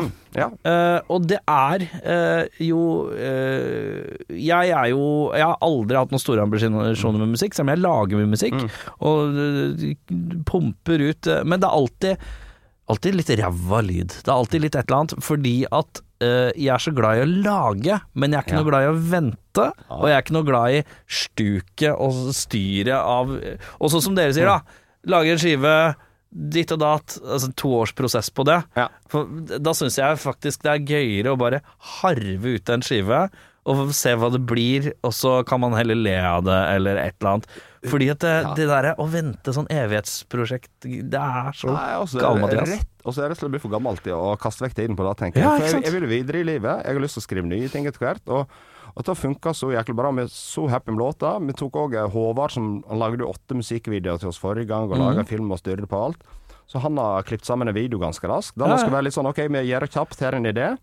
Og så gjorde han det. Og så nå eh, 9. juni da, så er det en ny låt ute. Og Ja. Da er det singel, video, full pakke. Og så får vi òg den innsprøytinga at vi skal spille sånn som Hellfest og Tons Intergrave, store, digge festivaler, så har vi òg et nytt Helt rykende fersk låt. Ja, ja. Og for, oss band er jo det jæklig givende, selv om eh, fansen vil sikkert høre det gamle. Så, Ja, Men jeg tror jeg setter pris på det, og det gir en Det, Det er litt vitamininnsprøytning. Ja, virkelig. Og, og uh, eh, Men gir det mersmak til å Yes. booke to uker i studio og prøve å ja. dunke ut ti låter? Ja, for dette er, liksom, dette er en tanke jeg har hatt over et par år nå. Liksom, for jeg liksom var litt, I flere år var litt lei av den her prosessen der, den tradisjonelle venteprosessen. Så det er jeg jeg sa, nå, nå skal jeg ikke bestemmer noe før vi har gjort den låten, så gjør vi sommeren, og så bestemmer høst hva vi gjør videre. Ja.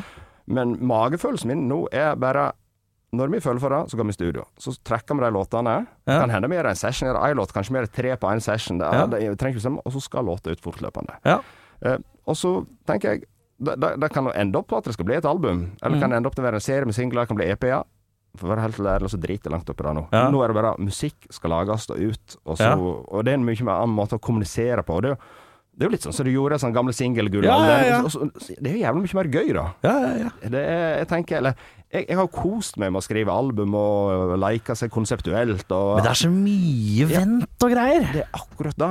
Og spesielt utgivelse. Det er ingen problem å bruke et halvt år i studio til og fra å sitte og jobbe med det. Kan jeg leve med. Men når jeg er ferdig med det, så skal jeg åtte måneder før de skal ut. Altså, det er bare sayonara. Ja, og i vår tid, Oliver, 99% av alle mennesker bare hører på digitalt uansett. ja, ja. Så er det på en måte sånn Men i helvete, hva er det som er mest gøy, ass? Å, si, å, å få noe ut, eller liksom Fordi at de to åra Mm. er jo da Jeg i mitt eh, hode, da, som alltid har lyst til å lage nye ting de to åra med den prosessen av skiva, og så er plateselskapet sier sånn Nei, du kan ikke gi ut noe Mm. før det fordi vi må vente på det. Alt skal handle om Alt- den her i to år. Nettopp. Mens på to år kan du lage ganske mye musikk.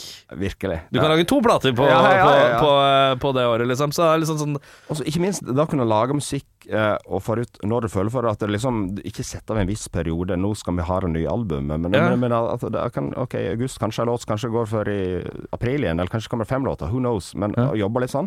Og merke merker hele bandet er litt sånn og det, mener, Det er jo det som gjør driver band, det er å liksom finne ting som gjør at du trigger Ja, ja, ja. eh, interesse hele tiden. Og nå, dette er en sånn trigger-greie. Forrige gang lagde vi en film og styrte på alt mulig. Trigga entusiasme. sant? Ja. Men hvis, du- vi blir nok jævla fort lei hvis vi skal gjøre det samme som vi gjorde forrige gang. mm. Musikalsk har jo vi et slags univers vi leker oss i, mm. men det er jo noe med arbeidsmetode, gøy gi, altså, Mm. For det, altså, det må jo være litt sånn punkinnstilling til ting i bunnen, ellers, så, Ja. ellers får dere finne på noe annet. Og i hvert fall når man har kommet til et sånt nivå at man veit Vi klarer å lage låter, vi klarer å spille. Alt er, altså nå handler det bare om å, å lage Få ut de kule ideene. Ja. Uh, og, og, eh, og, og folk som er fans, vil jo ha nye låter alltid. Ja. Og, så- må du ha det gøy på veien. må du ha det gøy. altså, let's face it, eh, rock og metal er jo først og fremst jækla gøy. Ja, det er det det handler om. Om det er å lage musikk eller gå på konsert og festival og alt mulig. Møte Ja. folk, har det jækla fett. Mm. Det, hvis, hvis den tingen forsvinner, da må vi finne på noe helt annet å drive med. Altså. Ja, enig. Da er det ikke annet å si enn uh, tusen takk for besøket. Og så må jo folk uh, stå klare for uh, ny singel fra Vreid, var det 9. juni? 9. juni. Og så er det jo selvfølgelig tons, masse tons, tons, tons, tons. tons. Ikke, hvis du ser Jarle på tons i år, ikke mas på igjen, han har mye å tenke på. Nei, Men det- kom, kom hils- hils. Hils høflig, men husk at han har litt dårlig tid. Han har masse han skal gjøre. Og så ønsker jeg selvfølgelig lykke til med festivalen, så ses vi jo der. Det gjør vi. Tusen takk. Du har hørt en podkast fra Podplay. En enklere måte å høre podkast på. Last ned appen Podplay, eller se podplay.no.